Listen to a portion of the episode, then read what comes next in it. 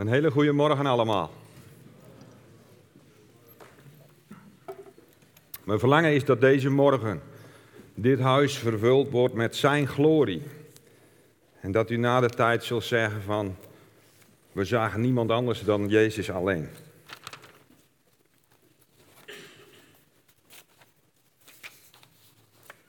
Ik wil met u lezen Johannes 1 van 1 tot 18. Weet niet of het mogelijk is om dat licht iets, voor een klein beetje te dimmen.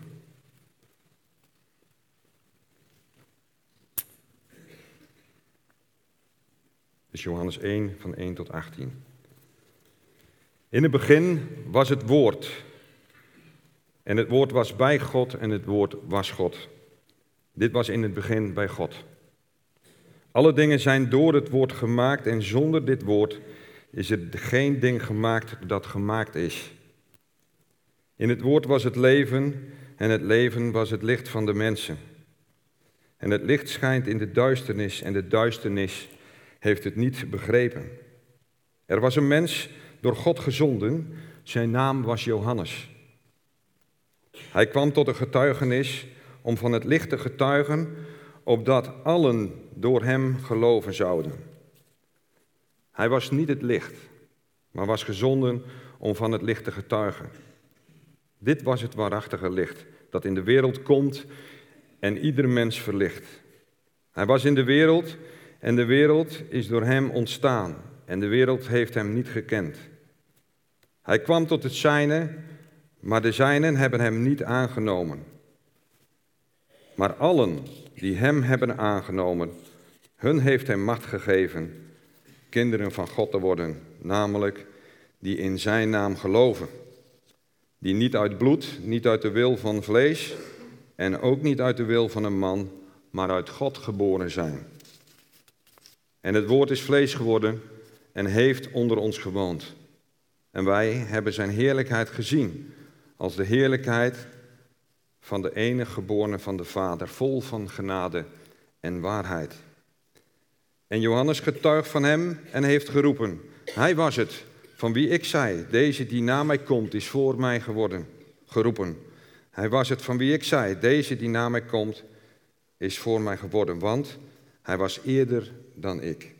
En uit zijn volheid hebben wij allen ontvangen. En wel genade op genade. Want de wet is door Mozes gegeven. De genade en de waarheid zijn door Jezus Christus gekomen.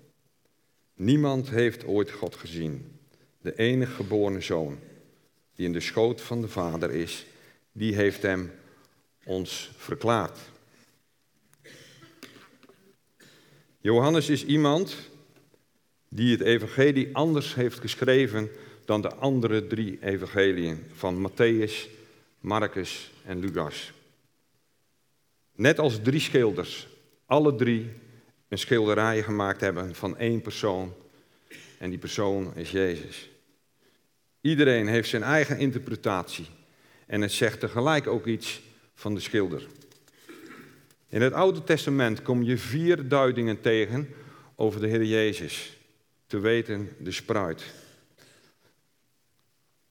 Knecht, mens, koning en de Heer. De knecht kun je vinden in Zacharias 3, de mens in Zachariah 6, de koning in Jeremia 23 en de Heer in Jesaja 4. Deze vier karakteristieken kom je ook tegen in de vier evangeliën van Matthäus, Marcus en Lucas en Johannes. Matthäus heeft het over de koning, Marcus heeft het over de knecht, Lucas heeft het over de mens en Johannes heeft het over de Heer, over de Zoon van God. Heel mooi om te zien hoe Johannes ons dit wil laten zien. In het evangelie dat hij heeft geschreven vind je ook dat Jezus zichzelf zeven keer de ik ben noemt. En deze ik ben uitspraken vind je alleen bij hem. Ik ben het brood van het leven. Ik ben het licht van de wereld. Ik ben de weg, de waarheid en het leven. Ik ben de ware wijnstok. Deze uitspraken onderstrepen Johannes' bedoeling in zijn evangelie. Want hij wil ons zo inzicht geven in de manier waarop wij Jezus moeten zien. Jezus is de ik ben. God is de ik ben. Dus Jezus laat hier zien dat hij God is, dat hij Heer is. Het doel van deze overdenking is om aan de hand van het begin van het Johannesevangelie de Heere Jezus te tonen in al zijn glorie aan jullie. Te laten zien hoe Hij Heer is. En aan het eind van deze overdenking komt de vraag naar ons toe in hoeverre Hij Heer is. En mag Hij zijn in jouw leven. In de tekst die we net hebben gelezen kun je, waar het woord woord staat, of het woord licht, of Hij, dertig keer de naam van Jezus invullen. Dan zie je dat deze naam in het evangelie van Johannes er alles, dat Johannes er alles aan doet om te laten zien wat de motieven zijn om Jezus te laten begrijpen. Maar dat was maar een onderdeel en hij heeft een veel hoger doel. Een doel dat hij aan het eind van zijn boek expliciet, expliciet laat zien. Hij zegt daar dat hij deze gegevens zo geselecteerd heeft, opdat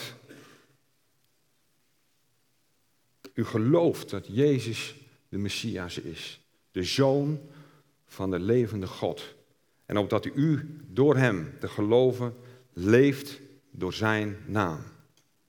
En dat zegt op zich al genoeg.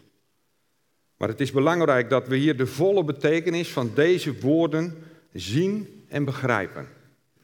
Wat Johannes ermee bedoelt. In het Grieks heeft een special effect van een tegenwoordige tijdsvorm van de werkwoorden. En dat heet een duratief aspect, een auristisch, en dat mag je weer vergeten. Maar dat kun je niet zo makkelijk vertalen in onze Nederlandse taal. Vaak kun je er niet omheen. Als je de betekenis van de tekst goed wilt weergeven, dan geeft het aspect aan dat je een handeling blijvend doet. Dus niet eenmalig. In onze Nederlandse taal moet je dus extra woorden bijvoegen om het helder te maken. Jezus heeft niet gezegd, bid en u zal gegeven worden, klopt, en u zal worden opengedaan, of dat die handeling maar één keer is. Hij zegt, blijf bidden en u zal gegeven worden.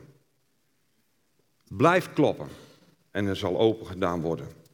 Dus de tekst uit bijvoorbeeld Johannes 20, vers 31 betekent, maar deze zijn opgeschreven, opdat u blijft geloven dat Jezus de Messias is, de Zoon van de levende God. En dat u zult blijven, dat u de Zoon door de levende God en doordat u in Hem blijft, zult u blijven leven door Zijn naam. Johannes begint zijn evangelie op een unieke manier. Hij laat het evangelie nog eerder beginnen, want hij wil onderstrepen dat Jezus er al was voor de schepping.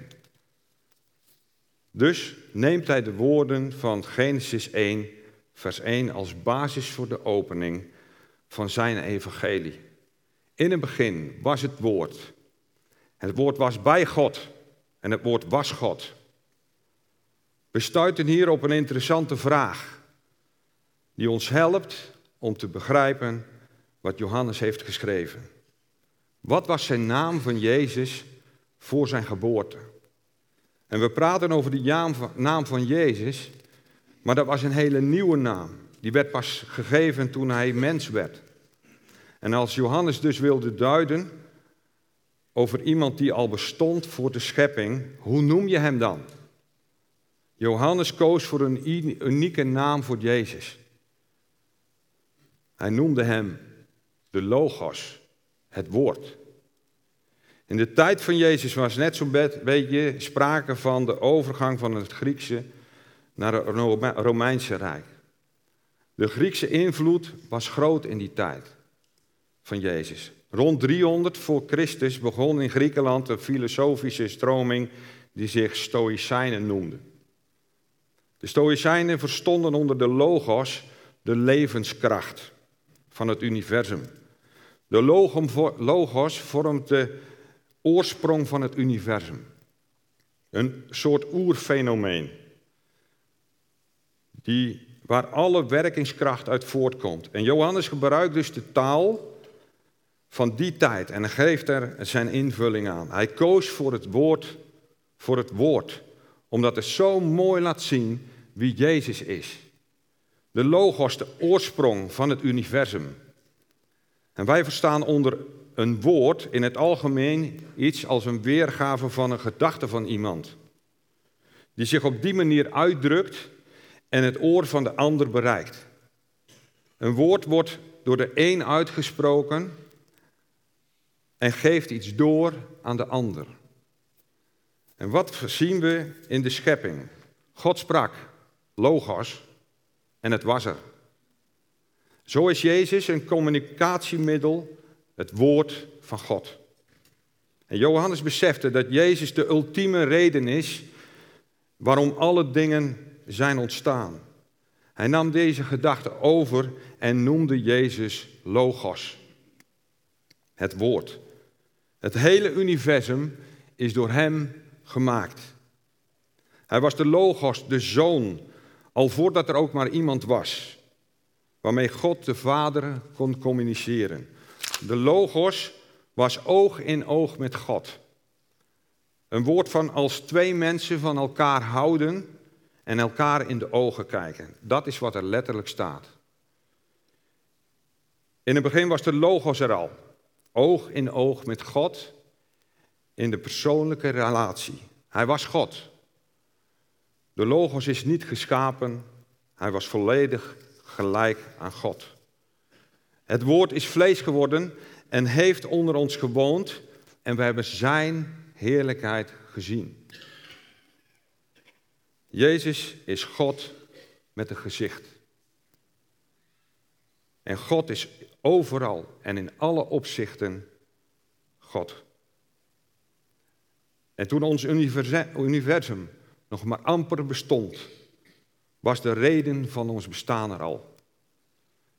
Hij was er zelfs al in de tijdloze eeuwigheid. Het doel van alle dingen was te vinden in één persoon, Jezus.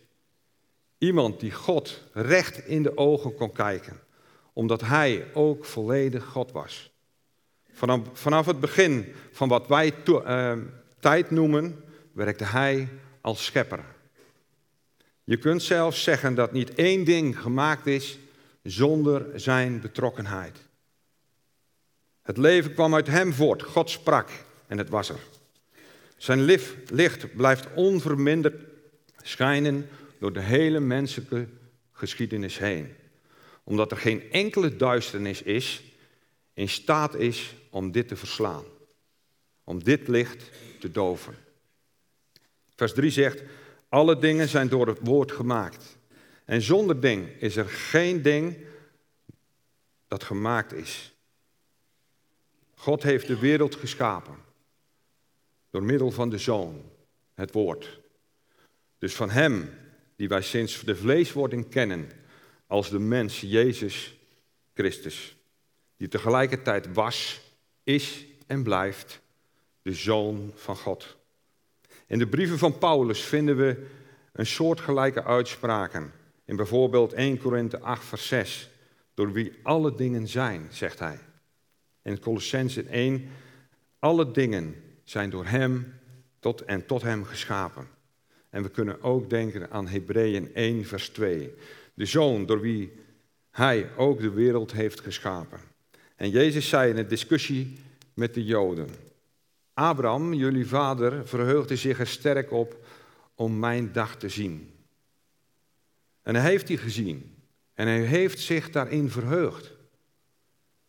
En de Joden zeiden tegen hem: U bent nog geen 50 jaar. En heeft u Abraham gezien?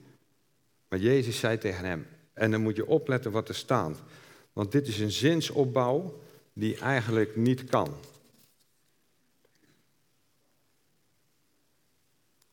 Voorwaar, voorwaar, ik zeg u, voor Abraham was, ik ben. Er staat, eer Abraham was, verleden tijd, ik ben, tegenwoordige tijd.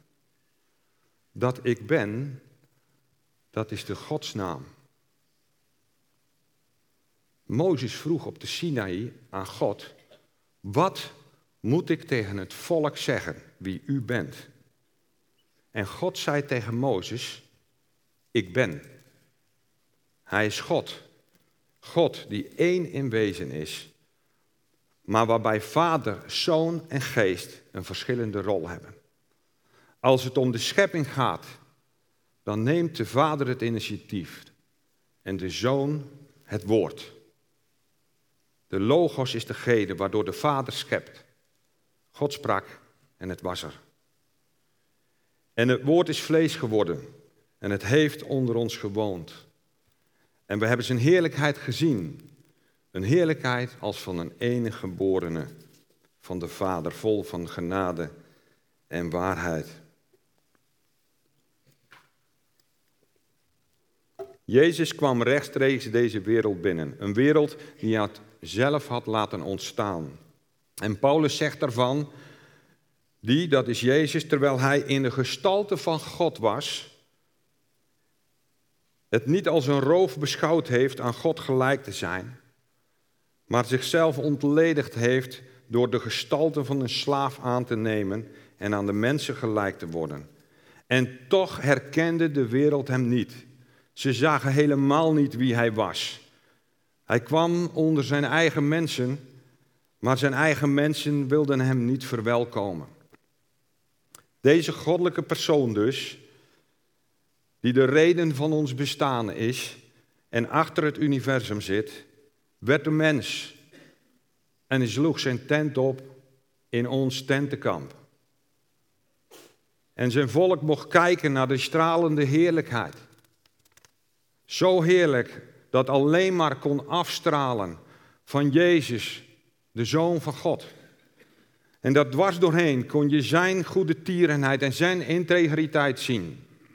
En Johannes, de betrouwbare getuige van hem, schreeuwde het uit tegen de menigte. Dit is de persoon van wie ik zei. Die na mij komt is groter dan ik. Hij was er al voordat ik geboren was. Ergens je tent opslaan betekent ook dat je verweven raakt met de omgeving waarin je je begeeft. Dat betekent ook dat Jezus verweven is geraakt met de gebeurtenissen die speelden en spelen in mensenlevens. Hij was lijfelijk aanwezig. Hij heeft de mensheid gemaakt, dus hij weet als geen ander wat er in ons leeft. Onze schepper kroop in de huid van een mens, van zijn schepsel. En hij kent onze vreugde, onze blijdschap, ons verdriet. Hij weet ook dat we mensen zijn die onze worstelingen en moeilijkheden hebben. Maar, die we liever stijfkoppig zelf vast willen houden. We doen het liever zelf en houden zelf onze zaakjes wel in onze handen. Ik wil een voorbeeld geven. Vroeger op het schoolplein, dan stoeide ik nog wel eens. En als ik dan in de houtgreep van de tegenpartij lag, dan gaf ik niet op, nooit. Terwijl je met één woordje verlost kon zijn van de houtgreep. Maar je liet je eerst rood worden en daarna blauw en je gaf het niet op. En als je bijna geen adem meer had, dan piepte je genade. Je tegenpartij liet direct los en je was vrij. Zo moeilijk vinden wij genade. Als je met je handen dichtgeknepen staat, kan God ze niet vullen. Laat ze los, doe ze open en hij vult ze met zijn genade. Dan mag je leven vanuit zijn vrijheid, want dan ben je vrij. En Johannes gaat nog dieper over hoe hij Jezus ziet en meemaakt. Johannes had recht in de ogen gekeken van Jezus. Hij had met hem gewandeld. Hij had met hem gehuild. Hij had met hem gegeten. Hij had op zijn borst gelegen. Hij vertelt ons met zoveel passie wie hij is. We hebben zijn heerlijkheid gezien. Johannes zegt in zijn eerste brief wat er van het begin was, wat we hebben gehoord en wat we hebben gezien, met onze ogen en onze handen hebben getast van het woord van het leven. Wij mogen leven uit geloof. En hebben zijn heerlijkheid gezien door het geloof. Door je wandel met Jezus, de enige geborene van de Vader, vol van genade en waarheid. Er staat immers in Johannes 1, vers 14, het woord is vlees geworden en heeft onder ons gewoond. En we hebben zijn heerlijkheid gezien. Een heerlijkheid van als van een enige geboren van de Vader. Vol van genade en vol van waarheid. Genade is een onverdiende goedheid van God voor mensen. Maar ook wat je nodig hebt in je leven met Hem. Het is iets ongrijpbaars. Je kunt het niet pakken, alleen ontvangen.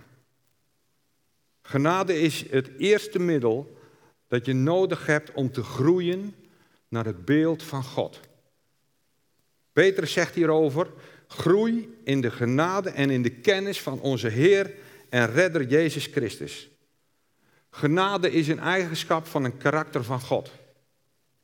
Hij komt tot uiting in zijn onvoorwaardelijke liefde voor ons. Waarheid is dat wat echt is. Het beschrijft hoe de dingen werkelijk zijn. Waarheid is het einde van alle tegenspraak. Wat mooi dat genade voor waarheid staat. Wij vinden het nog wel eens lastig, maar beiden gaan hand in hand. Vrijheid is leven vanuit genade. En je continu laten vullen door Zijn volheid. Uit Zijn volheid hebben we ontvangen genade op genade. Wat is dan die volheid van Christus? In het, woord, in het woordje volheid zit het woordje vol. Het zegt iets dat iets zijn level heeft bereikt. Bijvoorbeeld een emmer water, die is vol. Zoveel dat er geen druppel meer bij kan. Van de week was ik op een stil moment van de dag aan het nadenken over wat is dan die volheid? Wat houdt het dan precies in? Christus deelt uit vanuit zijn volheid. Hij is vol van liefde. Hij is vol van kennis. Hij is vol van kracht. Hij is vol van wijsheid. Hij is vol van genade. Vol van waarheid. Hij is vol van vrede. En hij is vol van alles waar ik geen woorden voor heb. Ik moet je eerlijk vertellen, het raakte me diep. Het emotioneerde me. Hij is zo vol van genade, ik kan, ik kan er niet bij met mijn verstand. Laat staan dat ik het onder woorden krijg. Hij deelt uit en er wordt er niet minder van. Dit alles deelt hij ook uit aan jou. Om je daar helemaal mee te vervullen. Lees maar eens mee in Efeziërs 3 vanaf vers 17. Opdat Christus door het geloof in uw harten woont.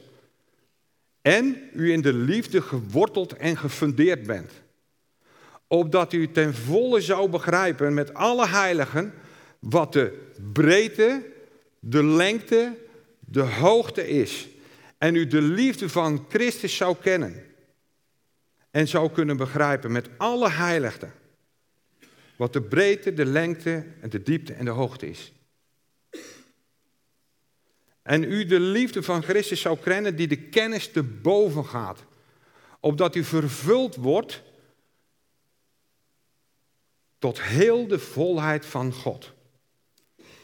Genade op genade, dat krijg je op iedere situatie in je leven. We kennen allemaal Paulus, een man die een, een hechte relatie had met God, met Jezus. Een man die van genade leefde. En toch was er iets waar hij Gods genade juist extra voor nodig had. Paulus kampte met een doorn in zijn vlees. En hij schrijft dat dit ongelooflijk heftig was. Want er staat dat Paulus drie keer God heeft gesmeekt om verlossing van de vuistslagen waarmee hij geslagen werd door een dienaar van Satan. Maar Paulus wist de oorzaak. Die doorn was er opdat hij zich niet zou verheffen. Dat kan zomaar een karaktertrek zijn. Maar Jezus zei, je hebt niet meer nodig dan mijn genade. Mijn genade is voldoende, want kracht wordt zichtbaar in zwakheid. Nou kun je die woorden van Paulus ook misbruiken. Er zijn tal van christenen die bij, bij het kruis zeggen, zijn genade is mij genoeg. En daarna zakken ze terug in hun comfortzone. Dat is te goedkoop. Zijn genade is inderdaad genoeg. Maar het leven houdt niet op bij het kruis. Dan begint het pas. Je leeft na het, na het kruis door de opstanding van Christus, onze Heer. Juist dan ben je voor iedere situatie in je leven Zijn genade iedere dag nodig. Dat is in het voorbeeld van Paulus juist zo goed te zien. Jezus wil betrokken zijn bij alles wat er in ons leven gebeurt. Hij wil Heer zijn over je leven. Besef je. Weet jij wie Hij is?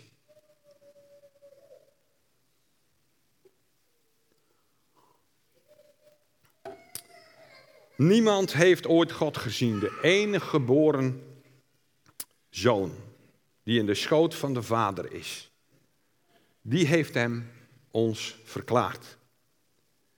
Hier zie, je, hier zie je dat de enige geboren zoon God is. De zoon één in wezen met de Vader. Een diepe, intieme relatie. In de vertaling staat die in de schoot van de Vader is. In de grondtekst staat het woord boezem en dat betekent een deel van het hart. Het woordje verklaren komt, in het woordje verklaren komt van het woord ontvouwen. En dat kun je ook vertalen met losvouwen, uitleggen. Niemand heeft ooit God gezien, de enige verwekte God die aan de boezem van de Vader is. Die heeft hem ontvouwd. Die heeft hem uitgelegd. Hij is zo dicht aan het vaderhart gekluisterd. Hij is één met God. In het hele oude verbond kun je zien dat je God niet kon benaderen als menselijk wezen. Niemand kon één zijn met God.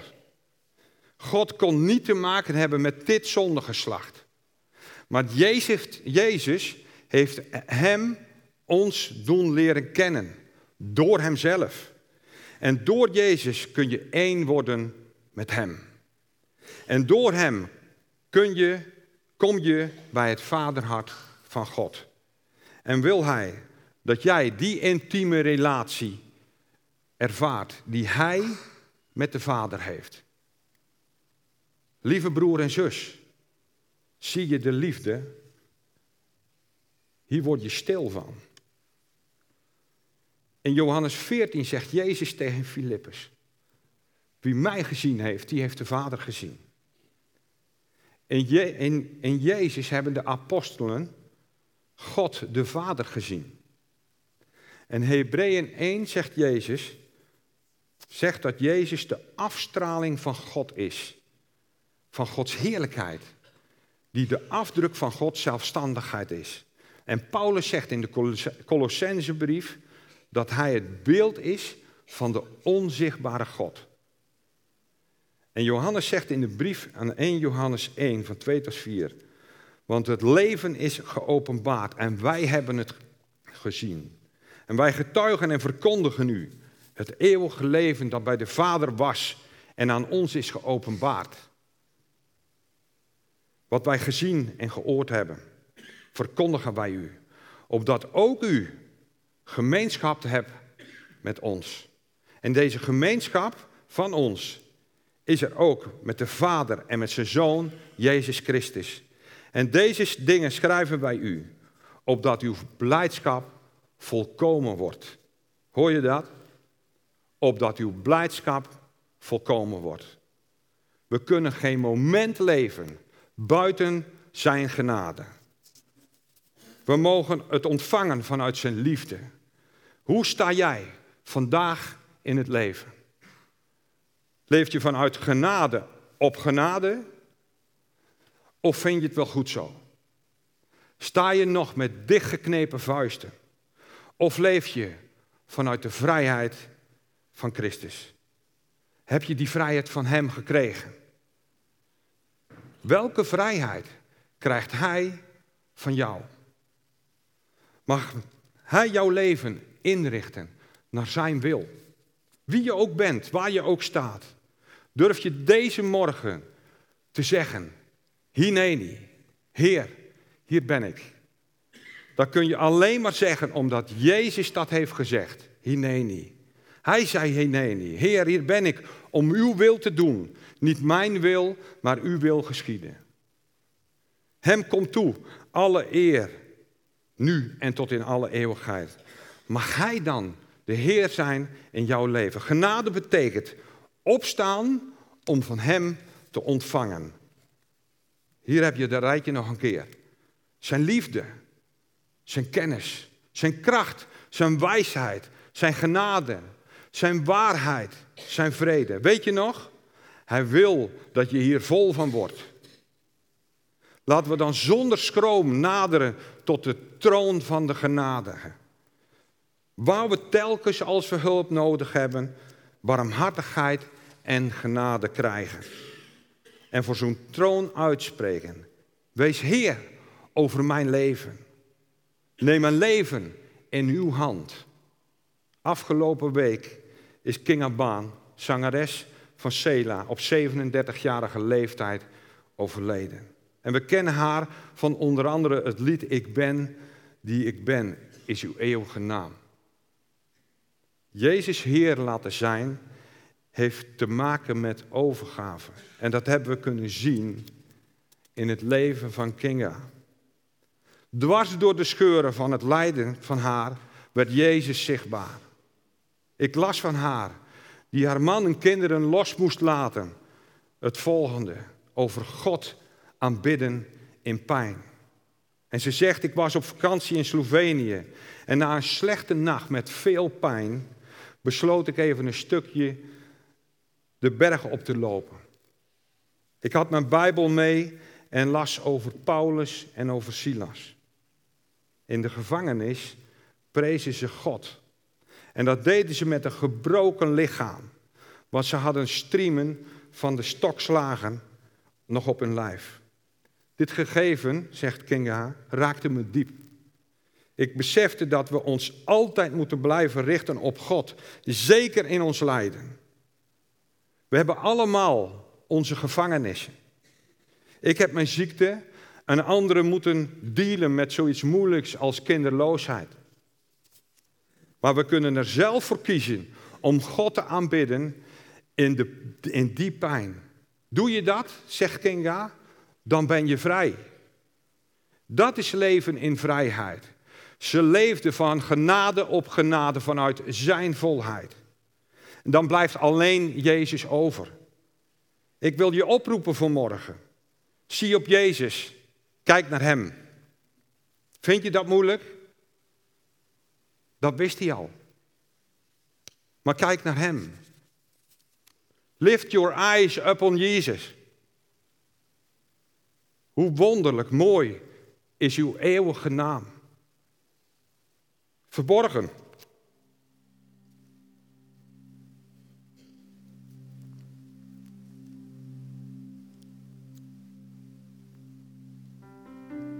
Aanwezig deelt u mijn bestaan. Waar ik ben, bent u. Wat een kostbaar geheim. Uw naam is ik ben en ik zal er zijn. Een boog in de wolken als teken van trouw. Het staat boven mijn leven en zegt: Ik ben bij jou. In tijden van vreugde, maar ook van verdriet, ben ik bij u veilig, u die mij ziet. De toekomst is zeker, ja eindeloos goed. Als ik eens moet sterven, als ik u ontmoet, dan droogt u mijn tranen. U noemt zelfs mijn naam. U blijft bij mij, Jezus, laat mij niet gaan. Ik ben die ik ben, is uw eeuwige naam. Onnoembaar aanwezig deelt u mijn bestaan. Uw adembenemend, uw ontroerend dichtbij. Uw naam is ik ben en ik zal er zijn. O naam aller namen, aan u alle eer. Niets kan mij scheiden van Jezus mijn Heer. Geen dood, geen leven, geen moeite of pijn. Ik zal eeuwig zingen, dicht bij u zijn. Amen.